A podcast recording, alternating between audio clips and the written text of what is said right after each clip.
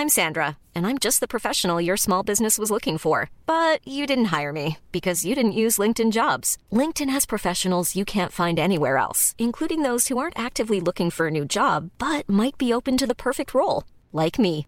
In a given month, over 70% of LinkedIn users don't visit other leading job sites. So if you're not looking on LinkedIn, you'll miss out on great candidates like Sandra. Start hiring professionals like a professional. Post your free job on linkedin.com/people today. Millions of people have lost weight with personalized plans from Noom, like Evan, who can't stand salads and still lost 50 pounds. Salads, generally, for most people, are the easy button, right? For me, that wasn't an option. I never really was a salad guy. That's just not who I am. But Noom worked for me. Get your personalized plan today at Noom.com. Real Noom user compensated to provide their story. In four weeks, the typical Noom user can expect to lose one to two pounds per week. Individual results may vary.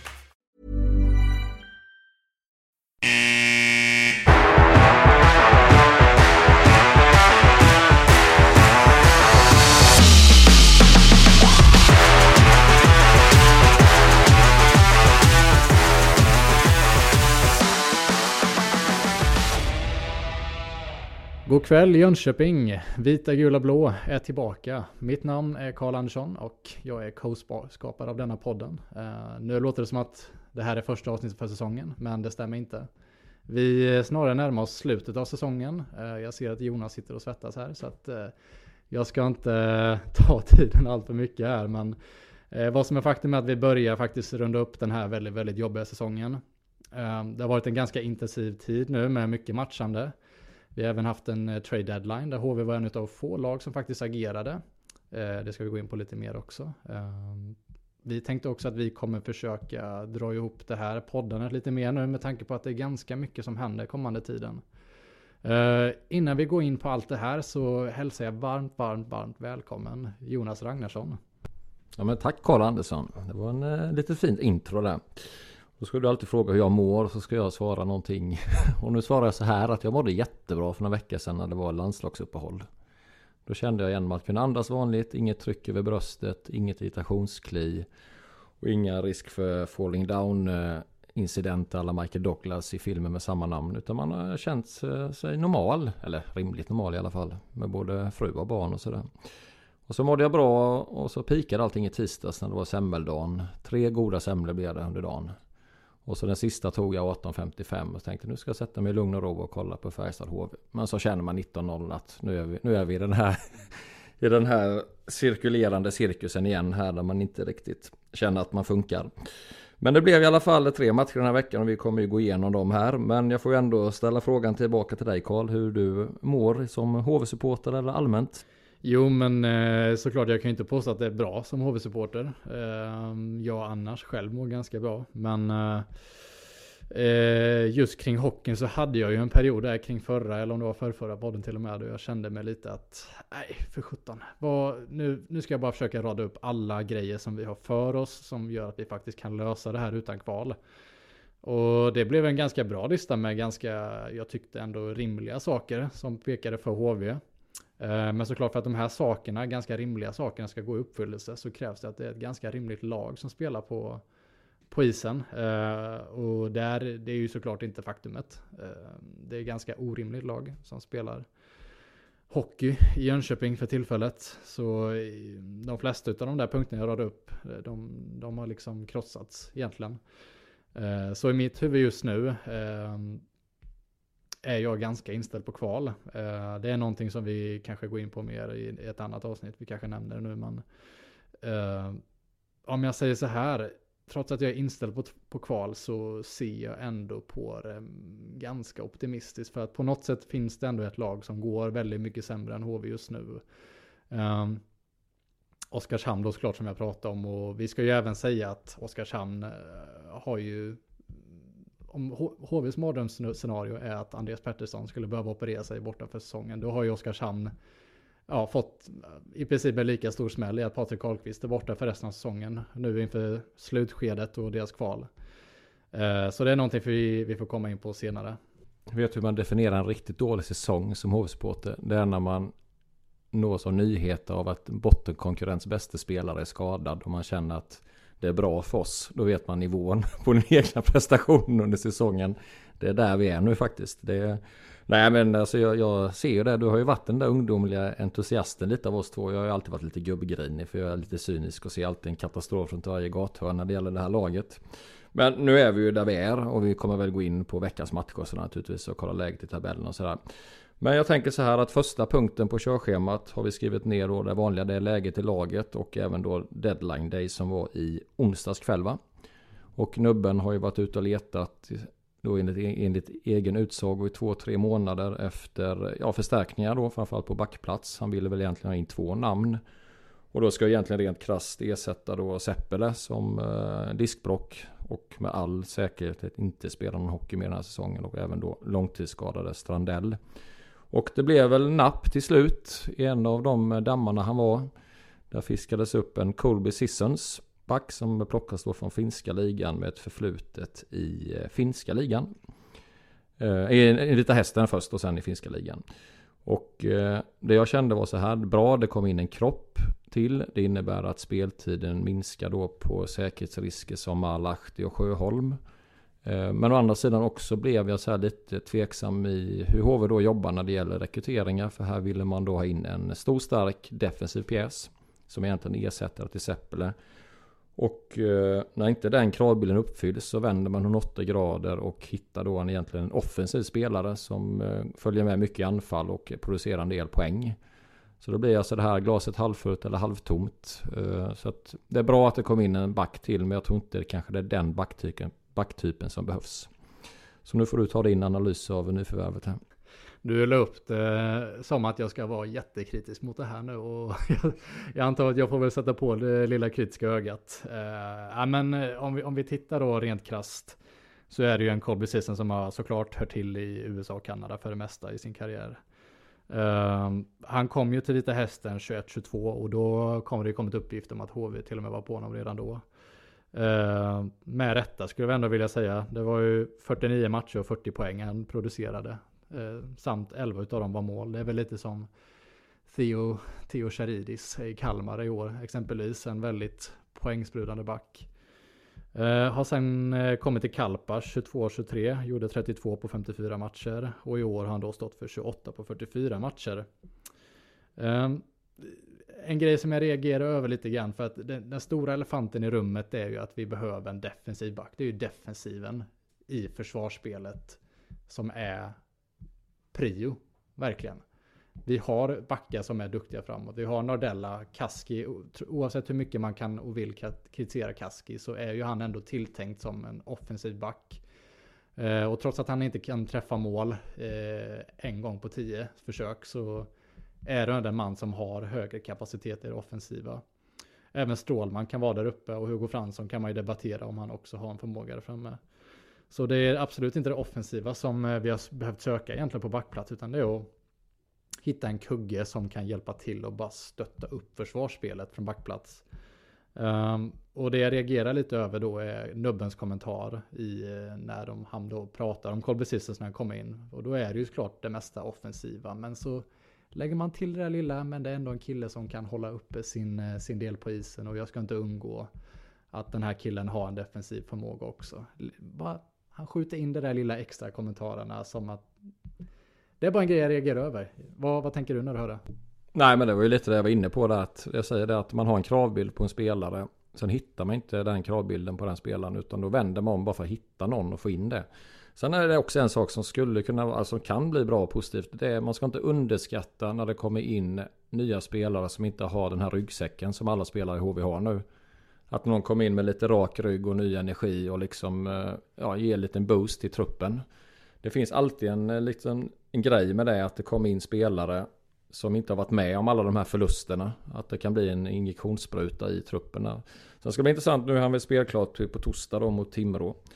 Och det ska bli intressant att se vem han paras ihop med och sådär. Så att, eh, men det är väl bara egentligen är ju det här tecken på att marknaden har väl i stort sett varit stendöd enligt nubben där så var det ju nära med två spelare. Det var väl någon som tackade nej på grund av att det var något landslag han ville satsa på. Och sen var det nära med någon, men då ville de inte klubben släppa. Sådär. Så att jag tvekar inte en sekund på att nubben har jobbat 24-7 här sista två, tre månaderna med förstärkningar. Och det är väl bara att titta egentligen överlag i SHL. Det hände inte mycket. Alltså det är ingen värvning eller något som man verkligen hajade till att. Jag menar jämför då vad HV gjorde förra året vid den här tiden. Eller året när de gick upp från allsvenskan. Och det kom liksom Kelleher och det var Shinkaruk och egentligen på sista dagen. Sen var det ju med KL att den kranen är ju stängd. Så att jag menar, alltså, utbudet är ju otroligt begränsat.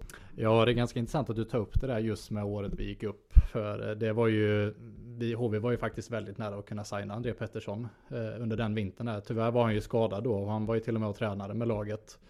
Och det är någonting han har gått ut med efterhand att det var, det var nära att han faktiskt kunde förstärka HV under eh, inför slutspelet i Hockeyallsvenskan. Eh, och jag har även uppgifter på att en väldigt aktuell man, Kenny Agustino, var på väg till HV också. Eh, där Anders Wilander var väldigt benägen om att honom ska vi ha. Och det var tydligen en väldigt hög prislapp som steg upp mot nästan 4 miljoner kronor för att kunna få ut honom från KL-kontraktet. Eh, han hade en väldigt bra säsong när han kanske gjorde ungefär 40 poäng tror jag på 50 matcher. Och kunna få in en sån kille och gå upp med. Det visar ju på ganska mycket hur mycket HV vill jag lägga för att faktiskt förstärka inför slutdelen av säsongerna. Vi såg det förra säsongen också året vi åkte ut och så året i allsvenskan och nu även i år då när det sägs att vi lagt två miljoner kronor. Jag låter det vara osagt. Det är ändå journalister vi fortfarande har att göra med. Ja, den uppgiften äh, slog väl nubben ner rätt hårt. Det är klart att han jobbar på det sättet och säger inga officiella siffror där. Men eh, det är klart att de få spelare som är på marknaden, det är klart att priset trissas upp. Eh, och de behöver inte vara så otroligt duktiga för det, utan det blir ju att eh, alltså, klubbarna bjuder ju över varandra till slut. Eh, sen är frågan då, säg att det kostar en miljon då, han kan spela nio matcher då plus ett kval. Det är inte mycket, alltså det blir inte många minuter på is för pengen oavsett om den är relativt billig eller väldigt dyr. Så vi får se lite vad det landar där. Men det var väl det vi hade in. Sen har det alltid varit lite rykten spelare ut och den som det har pratats väldigt mycket om sista veckorna det är ju då, eller var ju då Fredrik Forsberg. Eh, där det också har diskuterats, där nubben då bekräftat att det har kommit in en del förfrågningar från diverse lag men att man inte kunde lösa det. Och det senaste var väl att de ville egentligen byta då med Kaipava. Att de ville få Forsberg rakt av. Sen har ju då inte Forsberg själv, för jag har faktiskt inte läst någon intervju med honom. Han har väl inte uttalat sig alls sedan han egentligen hamnat på läktaren. Han har säkert fått förfrågningar. Men det är väl agenten Klas Elefrag som sköter det där då och eh, jag har en liten tes att säger agent A så menar de ibland B och säger de B så menar de D. Det är mycket liksom diskussioner med löner och sådär. Det är klart att Forsberg sitter ju med en väl tilltagen månadslön kanske på 200 000 i månaden och då är det ju inte jättelätt att lösa det med någon form av lån eller att de ska ta över hela hela lönen den klubben som vill ha det eller att man kanske vill att Forsberg ska ner lön. Då säger han nej för då är det klart han stannar hellre i HV med den månadspengen. Så att, eh, det är svårt att säga vad som är svart eller vitt där men man kan väl säga så här Karl att det kommer bli en intressant sommar när det gäller eh, Fredrik Forsbergs framtid i HV. Oavsett om det blir allsvenskt spel, gud förbjude, eller SHL. Ja, alltså blir det allsvenskt spel så är det väl egentligen bara att försöka ha honom kvar. Och jag tror att han skulle kanske kunna tänka sig göra det. För att på något sätt har det ju ändå visat sig att han, han är kanske inte riktigt skap för att spela SHL. Och på allsvenskan vet vi ju absolut vad han kan göra. Så det är väl egentligen bara utländskt spel som skulle kunna locka honom där tror jag. Om jag bara får höfta vilt. Eh, annars i SHL så såklart Leksand ligger ju alltid där ganska nära, nära hjärtat tror jag för Fredrik och såklart Färjestad var ju någonting han var ganska nära under tiden han var i Karlskoga också. Så att jag tror att han har alternativ i SHL om det skulle uppstå eh, möjlighet för det. Men jag har ju otroligt svårt att se att HV går ur den här situationen utan att HV behöver betala en del av hans kontrakt, likt Martinsson-kontraktet. Um, det, det, är bara så scenariot är liksom. Eh, om man inte till och med köper ut vissa spelare, liksom Fredrik Forsberg. Och jag tänker att det är fler spelare som kommer ryka på det sättet, även nu denna säsongen. Ja, den absolut tuffaste vägen är att göra en Lex Johan Sundström där som Frölunda. Jag säger till honom att du ingår inte i våra planer. Så att du sitter på läktaren och du tränar inte ens med oss. Men du får ju naturligtvis din månadslön. Att man egentligen fryser ut en spelare till slut då. Och det får man tycka vad man vill om det. Men det är som du säger att jag har svårt att se att HV går vinnande ur eh, det sista kontraktet. Det sista kontraktsåret med Forsberg där med den väl tilltagna månadslönen där. Men det får väl bli en liten senare pilsner för de styrande. Det finns mycket att fundera över när man tittar kontraktsbilden eh, där. Och jag tänkte lyfta det, fortsätta på samma spår där.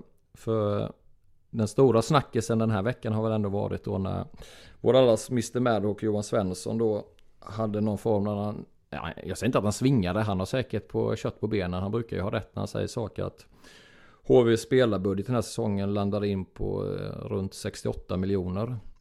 Och då skulle man lägga till sistens då som han då höftade 2 miljoner, vilket inte verkar stämma då, så skulle vi då komma upp till 70 miljoner och då skulle det vara någon form av världsrekord i SHL, den högsta spelarbudgeten någonsin. Om det kan jag väl säga två saker. Ett är att just inom, eh, när det presenteras sådana här nyheter så är det ofta svart eller vitt, grått eller grått finns inte. Utan då höftar man lite uppåt så det låter liksom bra att få 70 miljoner. För då har man eh, liksom passerat någon gräns som aldrig har hänt innan. Men jag landar ju också att det spelar ingen roll för både du Karl och jag vet och alla andra vet ju att HV är i toppen, topp 3 kanske när det kommer till löneligan. Sen om det är 68 miljoner, 69,7 eller 60,5 det har jag inte en aning om. Men det enda jag vet och det har jag sagt nu i varenda avsnitt att poäng per peng när det kommer till HV det är också världsrekord. Och då menar jag inte positiv bemärkelse.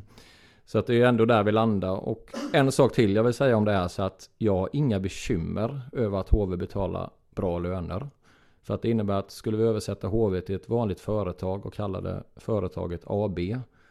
Så det innebär att det här företaget AB är ganska attraktivt. Att man kan betala höga löner till sina anställda. Vilket då i 99 fall av 100 innebär att du har duktiga anställda. Och då är frågan varför inte HV har det. Och då är vi igen där att urvalsprocessen går ju så in i hm, hm, snett. Gång på gång på gång. Så att för mig är det en styrka att HV kan betala höga löner. Sen är det det sämsta av det sämsta att utfallet år efter år blir bottenskrap. Där är bekymret. Där är problemet. Med då har vi pratat om, nu säger jag det igen, scoutingen. Att man är noggrann i varje rekrytering man gör oavsett om det är i, på kontoret eller till en spelare, en fjärdelina eller en tilltänkt toppcenter. Gör arbete från början. Då får HV jättegärna spränga 75 miljoners fall nästa säsong. Jag skiter i det. För då innebär att vi har pengar, vi går plus varje år. Men investera de här pengarna rätt. Och det är där det går snett. Det är ju liksom, du kan fråga alla andra klubbar. Oskarshamn har väl en budget på, vad kan de ha, 50 miljoner kanske? Jag vet inte, eller mindre än så. De, de hade jättegärna haft 68 miljoner spenderat på. Det innebär att det är ett välmående företag egentligen. Men liksom nu är det där igen. Det är, jag har sagt det. Det är, det är som jag skulle vara med fem dagars och ut och leta de här, vad heter det? ute i skogen och jag får ha ögonbindel liksom och köra så här elens julafton innan jag går ut och springer utan karta och kompass. Och sen hitta rätt kontroll. Det är lite så, någon gång hittar du rätt men gör du inte arbetet så är du liksom ute i vildmarken direkt och snurrar. Så det var, det var det jag hade om de uppgifterna där så att det var ju Det var ju nyheter fast det var inga nyheter egentligen. Ja, jag håller med dig helt och hållet. Att det, jag tycker det är helt okej att spelare tjänar mycket och att eh, klubbar betalar höga löner för att på ett sätt är ju det en dragningskraft att vi vill ge det här till våra spelare för att vi vet vad ni kan göra för den här staden. Ni kan dra folk hit och titta och föra folk samman i den här fantastiska staden. Nu blev det inte så i år med i en, i en utopi som vi kanske levde i under 10-talet, 00-10-talet. Då är det ju helt fantastiskt om man kan ge den möjligheten till spelare.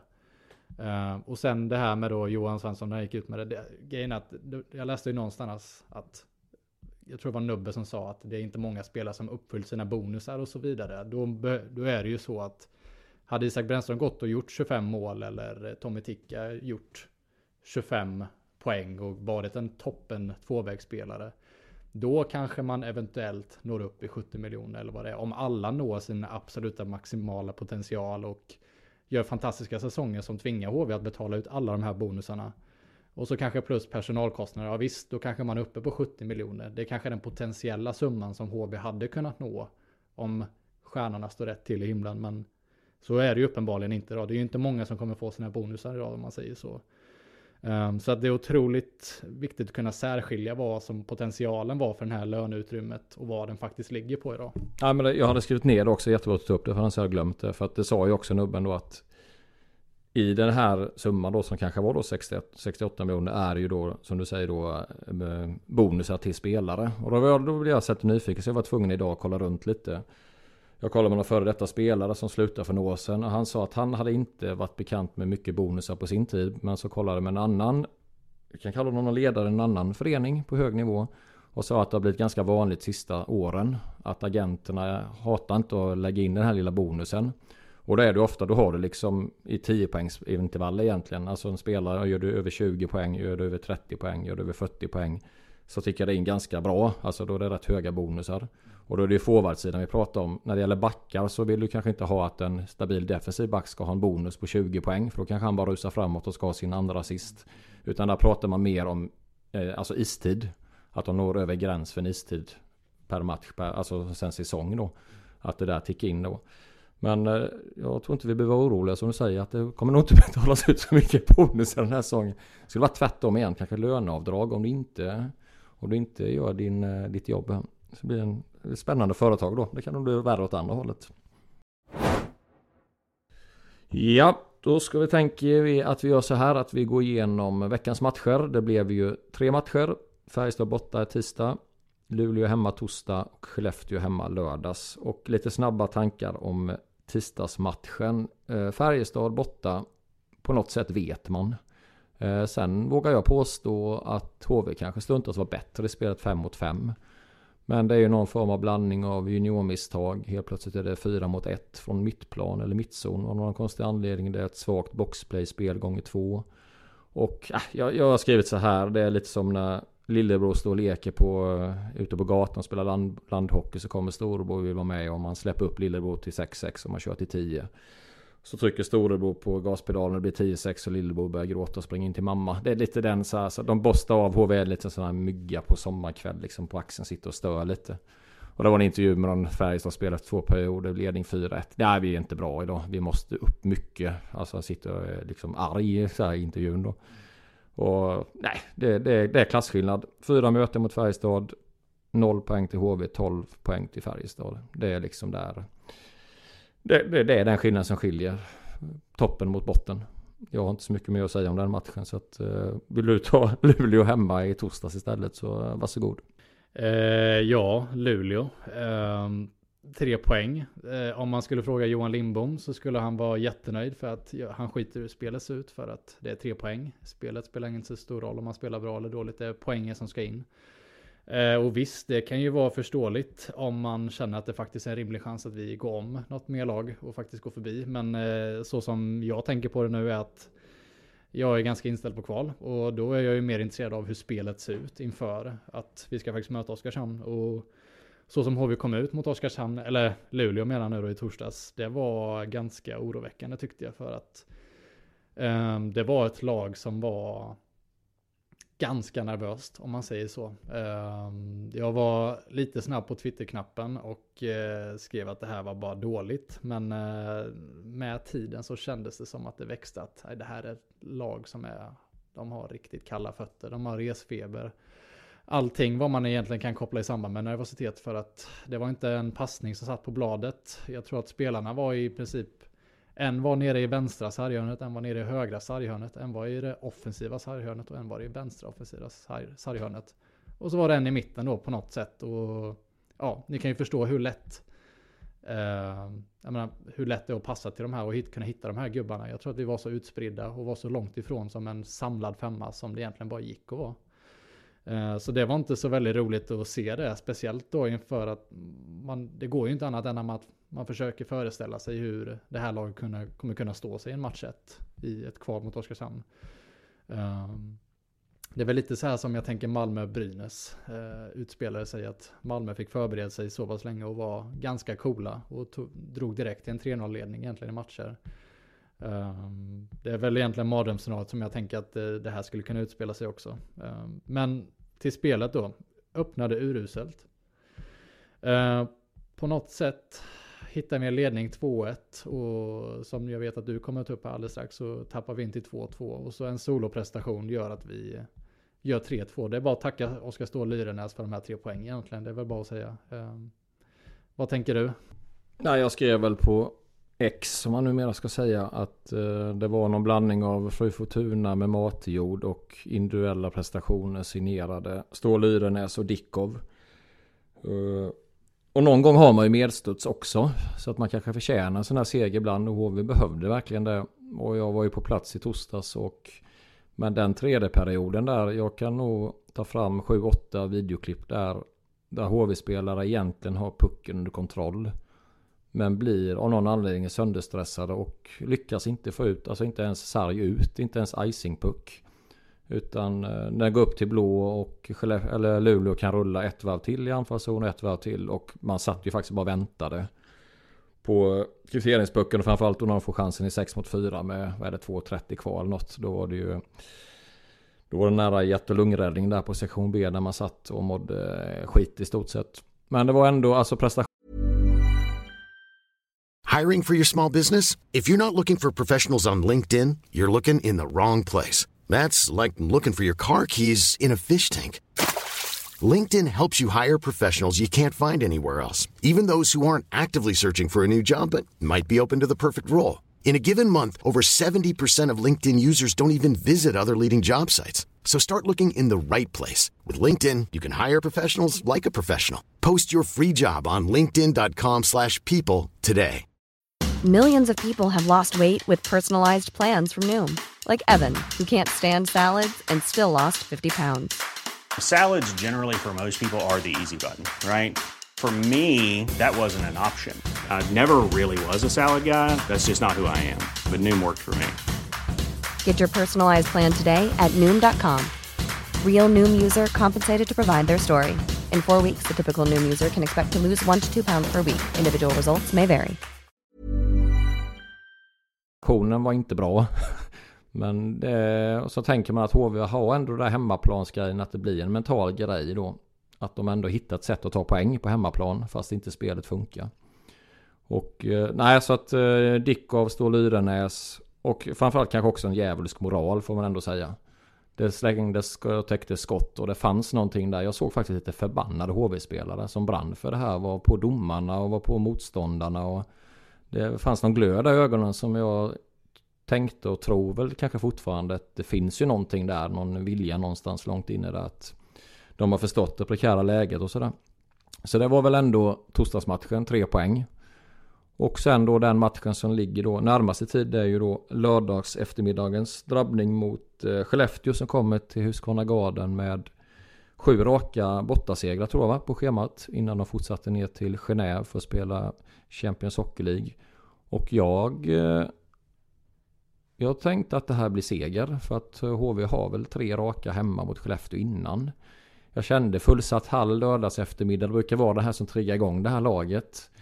Och eh, ja, det var redan där. Det var ju seg första period. Det var inget alls bra. Sen så tycker jag nog faktiskt att den andra perioden igår eller i lördags var en av de bättre jag sett den här säsongen. Då fanns det, då vann man de här 55 situationerna. Man fick de här långa anfallen på motståndarna. Man tryckte ner Skellefteå riktigt mycket några byten. Men sen är det som att när det kommer till de här klara lägena. När det står 6800 eller något och ropar skjut så ska det alltid letas en svår passning i sidled. Det ska alltid tittas upp och se vad det finns. Det någon medspelare som har ännu bättre läge än vad jag har. Och jag tror att det är någon form av mental, att, att du spelar inte hockey instinktivt. Utan du tänker hockey för mycket.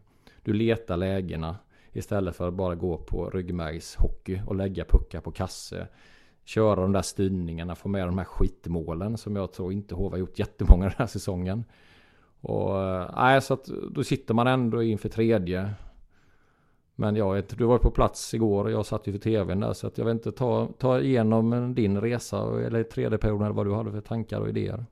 Nej men det, det är väl egentligen exakt så som du tänker också. Eh, när det rann iväg till 0-2 där så då tänkte man egentligen vad, vad ska det här sluta egentligen någonstans? Eh, det kan ju inte bli sämre i andra perioden än vad det var nu i första. För att det var ju ganska ett väldigt tamt lag som kom ut. Men eh, som du säger så evolverade det sig till att bli en av de bättre eh, perioderna man absolut sett denna säsongen. Den är väl uppe i pari, paritet med någon av perioderna vi gjorde mot Frölunda borta exempelvis och säkert någon mer hemma där. Det är absolut i toppen i alla fall och den liknelsen eh, jag skulle vilja göra eh, gällande alla de här passningarna och öppna lägena. Det är väl egentligen en skidskytte eh, liknelse jag vill dra där. För jag hörde idag, det var Johannes Tingnesbö för er som följer skidskytte, hade pratat med Sebbe Samuelsson som har haft en liten trevande sång också. Det går ju inte än att beundras av den här Tingnesbö, hur han kan vara så pass dominant överallt och kunna stå en, ett fjärde skytte och dra ner fem snabba träff på 15-18 sekunder. Då, då frågade Sebbe, vad, vad, vad, gör du Johannes? Eller hur gör du? Vem är du? Vad är det här du gör? Och då hade tydligen Johannes sagt, Sebbe, du må vara med dom när du kör skidskytte. Jag fattar inte Sebbe först vad han menar. Men just att du behöver inte förstå hur allting fungerar. Du behöver inte se allting som händer och kunna reagera och agera på det. Utan du behöver, behöver, behöver spela mer dumt. Du behöver gå på dina känslor mer helt enkelt. Och alla de här lägena som uppstår i Skellefteå-matchen kan jag inte bara... Det, det klickade så, såklart. Vi ska ju bara, vi behöver ju spela på känsla om någonting. Vi har känslor för klubben och låt oss då föra över de känslorna till att hitta en känsla i det här spelet. Vi kan liksom inte titta på alla övningar vi gör på träningarna och såklart det går att mata in och banka in i skallen på till viss mån, men på något sätt måste du ändå känna det och känna den här känslan som Johan Lindbom har i förtroendespelet för att, så att du som spelare också ska kunna utöva det på det sättet som han vill. Eh, och det gäller ju inte bara försvar, försvarsspelet såklart, utan det gäller ju de här situationerna som uppstår när vi då har, vi har ju faktiskt chans att kunna kvittera och till och med ta ledningen. Med alla de här lägena som vi producerar i andra perioden. Eh, men allt för ofta så passar man bort de här lägena och man söker inte en passning för mycket. Man söker ofta två, tre passningar för mycket i min, i min åsikt. Um, och det är en sak som jag tror är väldigt, väldigt svår att träna bort i det läget man ligger i nu. Jag, jag, jag, ska absolut inte sitta här och säga att det är enkelt att släppa greppet om klubban, inte hålla riktigt lika hårt i klubban. För jag vet hur mycket jag brinner för det här, jag vet hur mycket Jonas brinner för det här, jag vet hur mycket 140-200 000 andra människor som håller på HV brinner för det här. Och då är det inte världens enklaste grej att släppa taget om klubban lite grann och bara sikta och skjuta snarare än att hitta ett passningsmoment in i mål. Jag gillar ju att du kommer ut här som lite skidskytteexpert. Jag vet att du gillar skidskytte. Vad är han hette? Kalle Grenemark var inte han från start till stav 19 sekunder. Klockan, boom klockan tre. Mitt i prick klockan 12. Ja, det, vad skulle vara med, med dom eller vad sa du? Han skulle vara med det? Dom må vara dom Sebastian. Så där HV ska vara, ni ska vara mer dom ska ni vara. Ja, akkurat. Ja, nej, sen har jag en sak som jag tycker avgjorde matchen igår. Det är när det byggs upp energi i hallen, arenan, det är fullsatt en lördag och HV får PP. Och PP är uselt. Det hörs lite spridda burop, det blir lite visslingar. All momentum, all energi bara rinner av HV-spelarna. Några bra byten igen, bygga upp, nytt PP, pyspunka igen. Bu! Nej! Skjut! Bygga upp igen, kommer ett PP till, uselt. Så 5 PP igår. Jag tror inte de skapade en bra målchans idag. dem. det kanske jag överdriver för att få fram min poäng här. Där tycker jag den matchen förloras. Det hade räckt att du gjorde mål i ett av de här. Då hade det lyft. Och sen en annan sak. Nu var inte jag på plats igår. Jag satt framför tvn. Det kan, man kan luras ibland av dåliga ljudupptagningar. Att man inte hör hur atmosfären är. Men HV ligger under med ett mål vid sista perioden. Tredje perioden börjar. Det är typ halvtomt på sittplats. Då står folk fortfarande i baren. Klacken kör någon trött ramsa. Där de första minuterna i sista perioden, där ska det vara ett Ramalama. Där ska ju folk vara där och liksom bygga upp den här energin igen. Det kändes att de lunde med 0-3 i sista perioden. Och folk stod kvar i baren. Och sen gör ju Skellefteå 3-1 och då vet, då är det liksom ridå ner. Spela av matchen bara. Så jag blev så här, jag satt hemma, varför är det inte, varför är inte folk tillbaka från sina platser när tredje perioden börjar? Varför är det inte något tryck från ståplats som det är när, när första teken går i matchen? Den här energin hela tiden, den måste liksom på något sätt, skapa inte spelaren får publiken göra det. Skapa inte publiken, den får spelarna Alltså någon form av växelverkan ibland. Och den, den fanns tycker jag i lördags, eller i torsdags mot Luleå, sista 7-8 minuterna. Då var det faktiskt bra tryck i, i arenan när folk på sittplats är med och stöttar. Det blev det här, då gav man energi till spelarna, spelarna ger energi till läktaren. Men sista perioden, första minuterna igår, det var, det var som att det var en träningsmatch i augusti. Det var som att folk bara, nej men de vänder inte det här.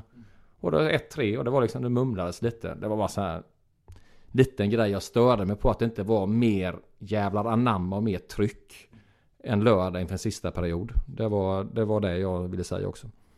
Ja, det är ju faktiskt en grej. nu när du säger det så får jag bara minnesbilder från eh, David Petraseks tröjhissning. Då var han inne på det här. Jag tror han, eh, det var i slutet av hans tal som han var inne på att och ni är en helt fantastisk publik här inne i Kinnarps arena som det hette då. I grundserie, ni är okej. Okay.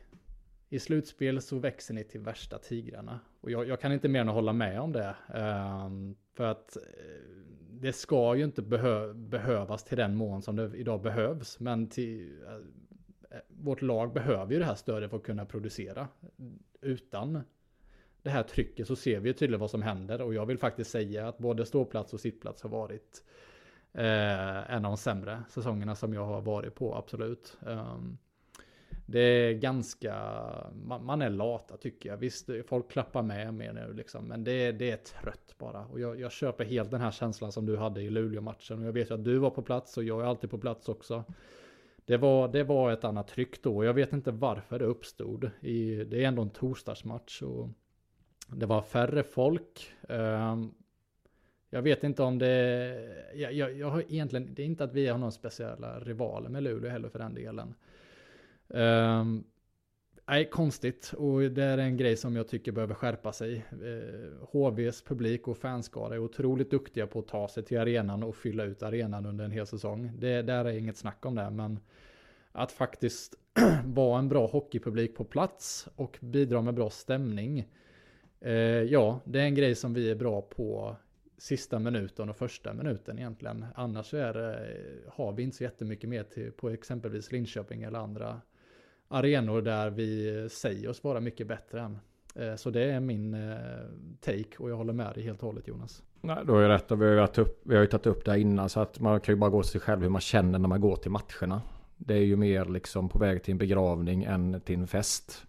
Men någonstans så, jag skrev det också för en vecka sedan att liksom, älskar mig som mest när jag förtjänar det som minst. Det är lite där vi är nu. Nu hjälper det inte att hålla på och gnälla egentligen. Nu, ja, nu sitter vi och gnäller här, men det är ju bara att vi visar våra känslor. Men när man väl går till arenan nu sista matcherna. Vad fan, bara kör lite vilt nu istället och håll ihop det. Sen vet jag det här kanske är en lite känslig grej då, men det verkar ju vara någon form av stök i klacken med olika lite grupper som drar åt olika håll där. Men då får ni ta något teamsmöte och komma överens nu då och fylla ståplats och så gör vi något sista försök, de sista hemmamatcherna och sen så blir det kvar så blir det kval och då får vi låtsas att det är någon form av fest och Så får vi lura varandra och stå där och skrika då. Eh, sen får vi igen då vända på vända sten på Vätterstranden sen efter säsongen och sparka folk till höger och vänster. Men nu får nog på något sätt få alla bara samsas nu. Och även om man är trött eh, företagare på sittplats med slips och räkmacka eller om man står på ståplats och skriker sig hes. Så får vi ha något samma mål nu sista månaden här. Eh, det är lite så, det är lätt att säga men då får vi på något sätt landa i det bara. Eh, och det är som jag säger, vi har en trogen hockeypublik i Jönköping men jag tror att det har satt sig mycket mentalt även på supportrarna de sista åren att det är inte så festligt att gå. Man är där och man älskar det här laget. Men du får ju ingenting tillbaka. Det är som jag sagt, det är som att bli sviken av sin kärlek vecka ut och vecka in. Men ändå är man trogen och står där. Eh, så på något sätt bara. Och det jag tror, och det jag tror också att ståplats måste förstå en sak att ni är den som ni driver arenan på något sätt. För är det högljutt och livat på ståplats så förr eller senare om laget bjuder till så kommer sittplats också vakna. Det är så, det är en jättelång process nu, jag vet det. Jag vet själv, jag sitter på sittplats ibland och man är liksom... Man vågar knappt jubla längre för folk tittar snett på en. Vad fan sitter du och jublar? Ställer du upp? Och, ja, jo, det gör jag för jag älskar ju det här laget. Så då får vi bara lägga ner allting nu så bara kör vi rätt in i kaklet sista månaden då. Sen får vi rensa upp i träsket sen efteråt eller något. Ja du Karl Andersson. Det återstår nio matcher av grundserien säsongen 23-24. Eh, ge mig i procent HV i kval, inte kval. Då säger jag eh, 70% chans att vi hamnar i kval. Eh, och det är nästan en siffra som jag känner är lite i underkant för att vara optimistisk. Eh, men varför säger jag 70%? Jo, jag tänker så här att just nu har vi fem poäng upp till Rögle och Malmö. Vi har åtta poäng upp till Modo. Det kan jag knappt fatta hur det plötsligt blev åtta poäng bara sådär snabbt. Och Modo är på slutspelsplats liksom. Um, Rögle och Malmö och Modo har nu haft sina svackor egentligen, vilket jag vet att du uh, håller med mig helt om där. Uh, så att jag ser inte varför de skulle gå sämre. Uh, samt att vi möter alla de här tre lagen pass på bortaplan och där vet vi hur effektiva vi är. Så det är egentligen tre gratispoäng som alla de där tre lagen får. Så att vi måste hämta in ytterligare tre poäng mot övriga lag som vi möter. Eh, och där har vi också tuffa matcher. Det här ska ju egentligen vara de enkla matcherna vi möter dem i. Eh, så det är egentligen två argument där och mitt sista argument är att även om vi skulle lyckas ta igen och vara inom 2-3 poängs, 1-2-3 poängs mellan avstånd till de här lagen och allting kommer ner till de sista kanske 2-3 matcherna. Eh, vi har ju varit i ett sånt läge kanske 5-6 gånger under den här säsongen och vi har inte tagit vara på ja, de lägena innan, förutom kanske någon gång i en live-tabell som du var inne på.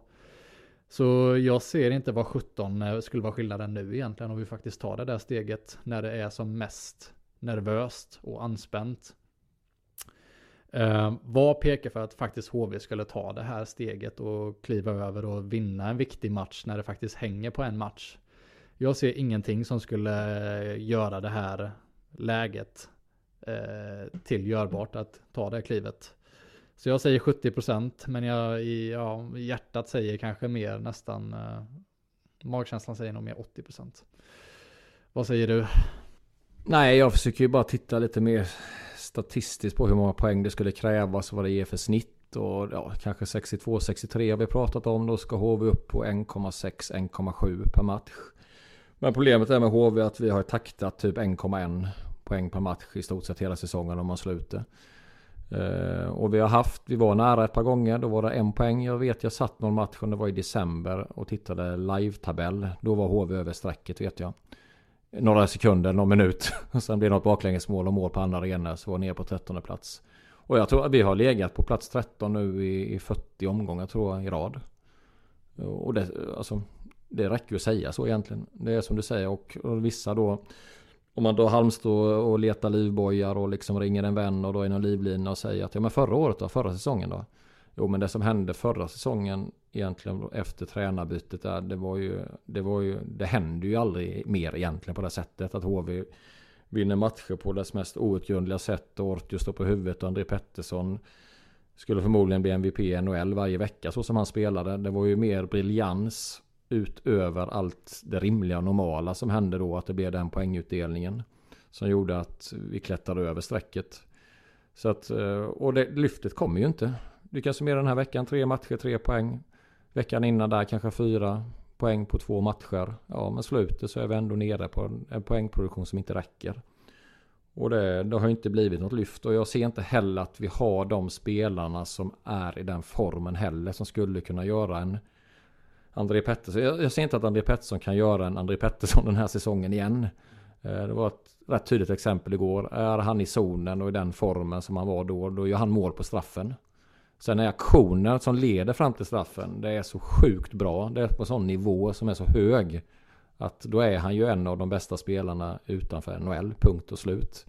Men ska han orka det, dra det, komma upp på den nivån igen? Jag ser inte det. Jag ser inte att Ortio skulle kunna studsa tillbaka. Han har väl mer andra slips nu. Dickov skulle kunna stå på huvudet om man får förtroende. Nu var det lite märkliga ingripanden igår. Det var väl lite studsar åt fel håll.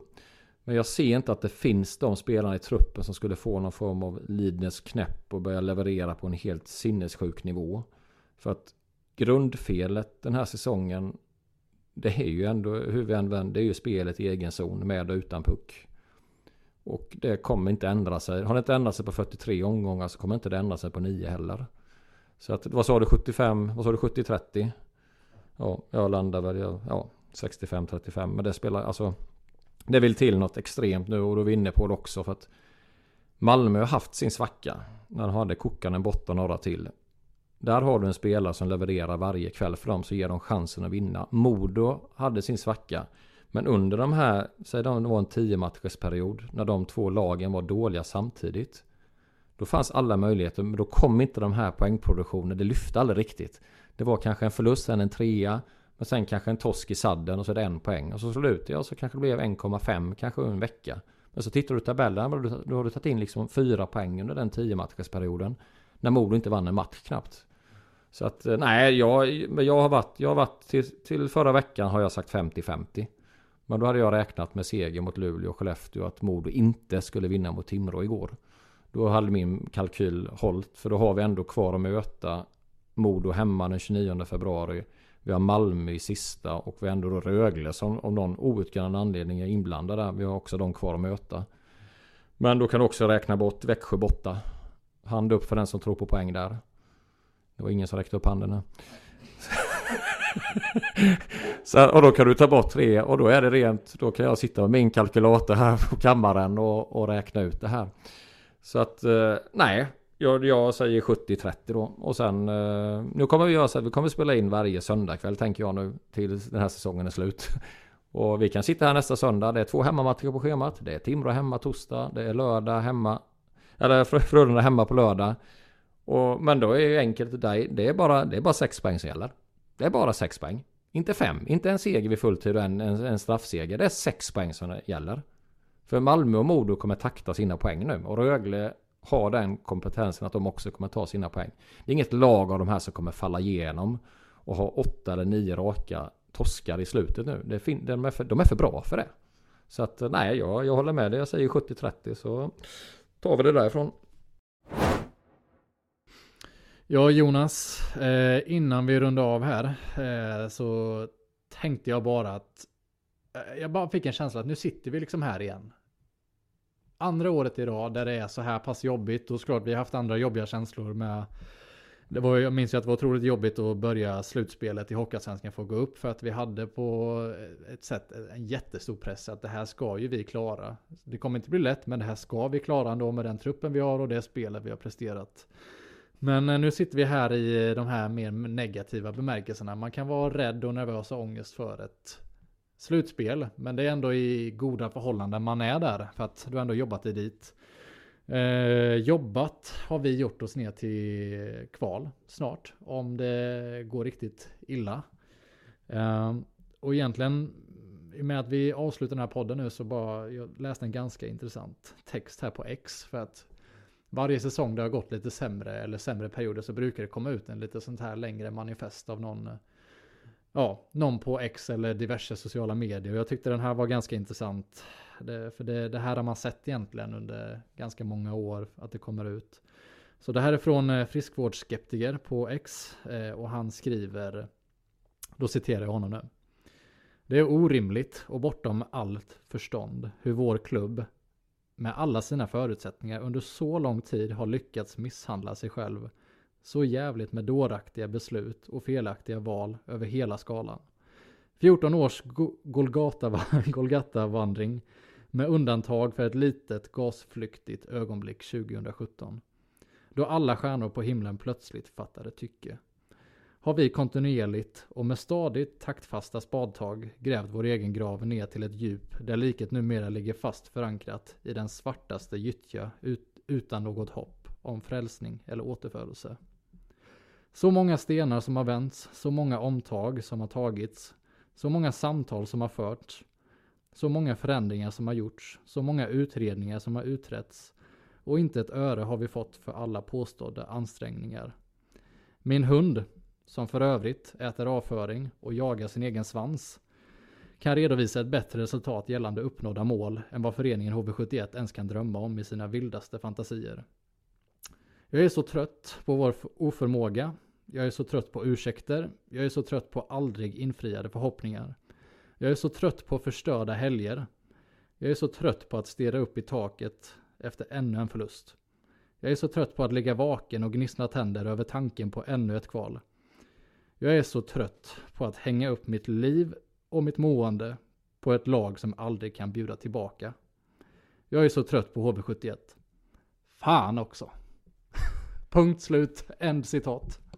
Det var, det var lite fint ändå. Vackert formulerat fast det var ett tråkigt ämne. Och jag kan väl bara skriva under på varje ord och varje stavelse i den texten av friskvårdsskeptiken va? Heter han va? Ja.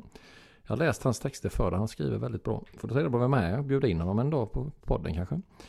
Eh, innan vi avrundar då så ska jag ge mig min, ge er min Spotify-lista för nästa vecka. Och det här gör jag i samarbete med eh, en HV-supporter sprungen från Gnosjöskogarna, Oliver Pettersson. Så att eh, listan är så här. Fan, fan, fan med Tåström. Det är över nu. Det är Gyllene Tider. The Bottom is Nod, Timbuktu. När guldet blev till sand med Peter Jöback. Slå mig hårt i ansiktet med Thomas Stenström. Och kan få även fortsätta Stenström med Andas in, andas ut. Men så avslutar vi ändå med ett Björn Ranelids mirakel. Så vi, vi, vi, man får aldrig, aldrig ge upp fast det ser mörkt ut. Jag säger så här, ta hand om er. Eh, lev väl så kan ni andas in, andas ut till torsdag 19.00 så tar vi på oss eh, ångestkostymen så kanske vi syns på garden. Ta hand om er. Tack och bock. Hej hej.